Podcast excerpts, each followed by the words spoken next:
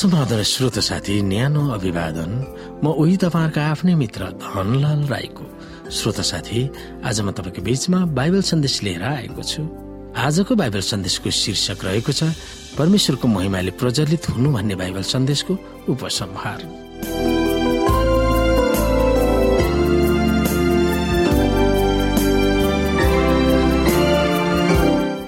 श्रोत साथी हामीले जाना जानी मारिएको थुमालाई हाम्रा शिक्षा दीक्षा र मिसनको मुख्य केन्द्रबिन्दु बनाउनु पर्दछ हामीले प्रचार गर्ने प्रत्येक प्रवचनमा हामीले लेख्ने प्रत्येक लेखमा हामीले गर्ने प्रत्येक प्रार्थनामा हामीले गाउने प्रत्येक गीत वा भजनमा प्रत्येक पल्ट जब हामी बाइबल सिकाउँछौ र हामीले गर्ने सबै कामहरूको केन्द्रबिन्दु यसु हुनुपर्दछ।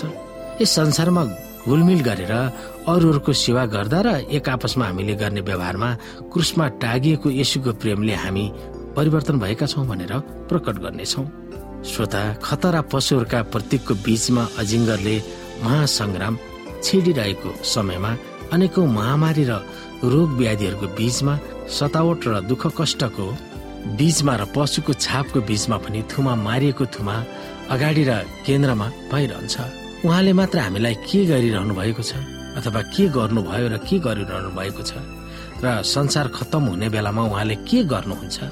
अर्थात् तिनी स्वर्गदूतहरूका सन्देशहरू अन्तमा आएर उहाँकै बारेमा हो भनेर हामी यकिन कसरी गर्न सक्छौ? अरूहरूलाई डोर्याउन मात्र होइन हाम्रो आफ्नै आत्मिक जीवनको निम्ति मारिएको थुमालाई हाम्रो सन्देशको केन्द्रबिन्दु बनाउनु निर्णायक छ। परमेश्वर प्रति पवित्र समर्पितको ज्योतिले चम्किँदै आफ्ना अनुहारहरू उज्यालो पारेर परमेश्वरका सेवकहरू एक ठाउँबाट अर्को ठाउँमा स्वर्गबाट आएको सन्देश द्रुत गतिमा सुनाउँदै दगुर्नु पर्नेछ परमेश्वरका जनहरू सारा संसारभरि हजारौं हजारले चेतावनीको सन्देशको आवाजहरू उठाउने छन् अनेकौं आश्चर्य कामहरू हुनेछन्।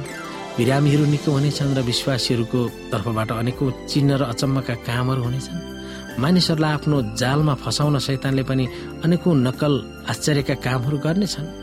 मानिसहरूको सामु आकाशबाट आगो नै खसाल्नेछन् अथवा त्यस वखत पृथ्वीका बासिन्दाहरू कसको पक्षमा उभिने भन्ने निर्णय त्यतिखेर गर्नुपर्ने हुन्छ। अनेकौं तर्क वितर्कद्वारा र विद्वान भएको प्रमाणित गरेर देखाएर होइन तर परमेश्वरको आत्माले गहिरो रूपमा विश्वस्त भएर यस संसारमा सन्देश फैलिनेछ। सत्यको बारेमा पर्याप्त तर्कहरू प्रस्तुत गरिसकिएको छ बिउ रोपिसकेको छ जब उम्रिएर फल फलाउनेछ। सुसमाचारको बोझ बोकेका परमेश्वरका सेवकहरूले वितरण गरेका हाम्रा प्रकाशित पुस्तकहरूले त्यसको प्रभाव पारिसकेको छ।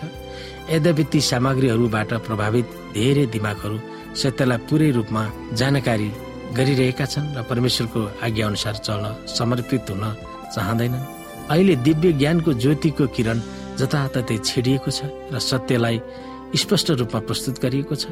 परमेश्वरका इमान्दारी र सत्यवादी जनहरूले तिनीहरूलाई पक्रिराख्ने शैतानको जालबाट तिनीहरू फुत्किसकेका छन्। पारिवारिक सम्बन्ध र चसँगको सम्बन्धले तिनीहरूलाई अब तानी राख्दैन ती सबैभन्दा तिनीहरूको निम्ति सत्य नै बहुमूल्य भइरहेको हुन्छ। संसारमा अनगिन्त्यौं निकायहरू मिलेर सत्यको विपक्षमा उठे तापनि धेरै विशाल जनसमूह परमेश्वरको साथमा उभिनेछन्। यहाँ दिदी एलएनजी भाइले व्यक्त गर्नुभएको विश्वासद्वारा निर्दोष ठहरिनु तेस्रो स्वर्गदूतको मौलिक सत्य सन्देश हो। र त्यसको अर्थ के हो? त्यसले गर्दा तीन स्वर्गदूतहरूका सन्देशहरूको मामिलामा विश्वासद्वारा निर्दोष ठहरिनुको के सम्बन्ध छ? हामीलाई यहाँनिर प्रकाश चौध अध्यायको बारेमा उल्लेख गरिएको छ परमेश्वरका आज्ञाहरू पालन गर्ने र यसैमाथि विश्वास राख्ने सन्तहरूको धैर्य धारणा यसैमा छ। परमेश्वरका आज्ञाहरू नमान्नेहरू पनि कुनै तरिकाले विधिवाद वा परम्परावादी हुन सक्छ। जब प्रकाशको पुस्तकमा भएका डरलाग्दा पशुहरू भयानक चेतावनीहरूको बारेमा हामी चर्चा गर्छौँ कतिपय मानिसहरूले त्यसको उपहास वा आलोचना गर्दछन्। तिनीहरूलाई हामीले के जवाफ दिनुपर्छ? त्यसको बारेमा बाइबलमा चर्चा गरिएको जवाफ हामीमा भए तापनि अरू जवाफहरू हामी के दिन सक्छौ? यस संसारमा भइरहेको विश्व घटनाको बारेमा चर्चा गर्दछौ। यस संसारमा के भइरहेको छ?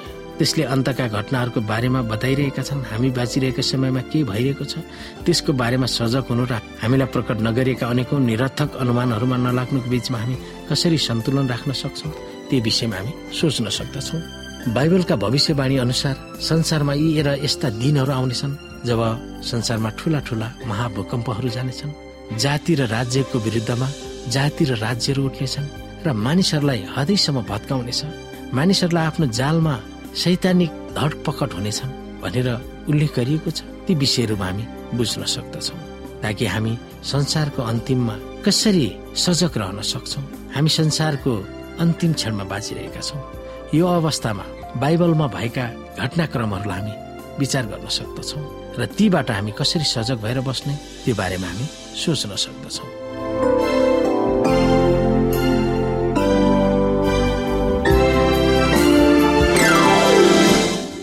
श्रोता साथी आजको लागि बाइबल सन्देश यति नै। हस्त नमस्ते जय मसिंह।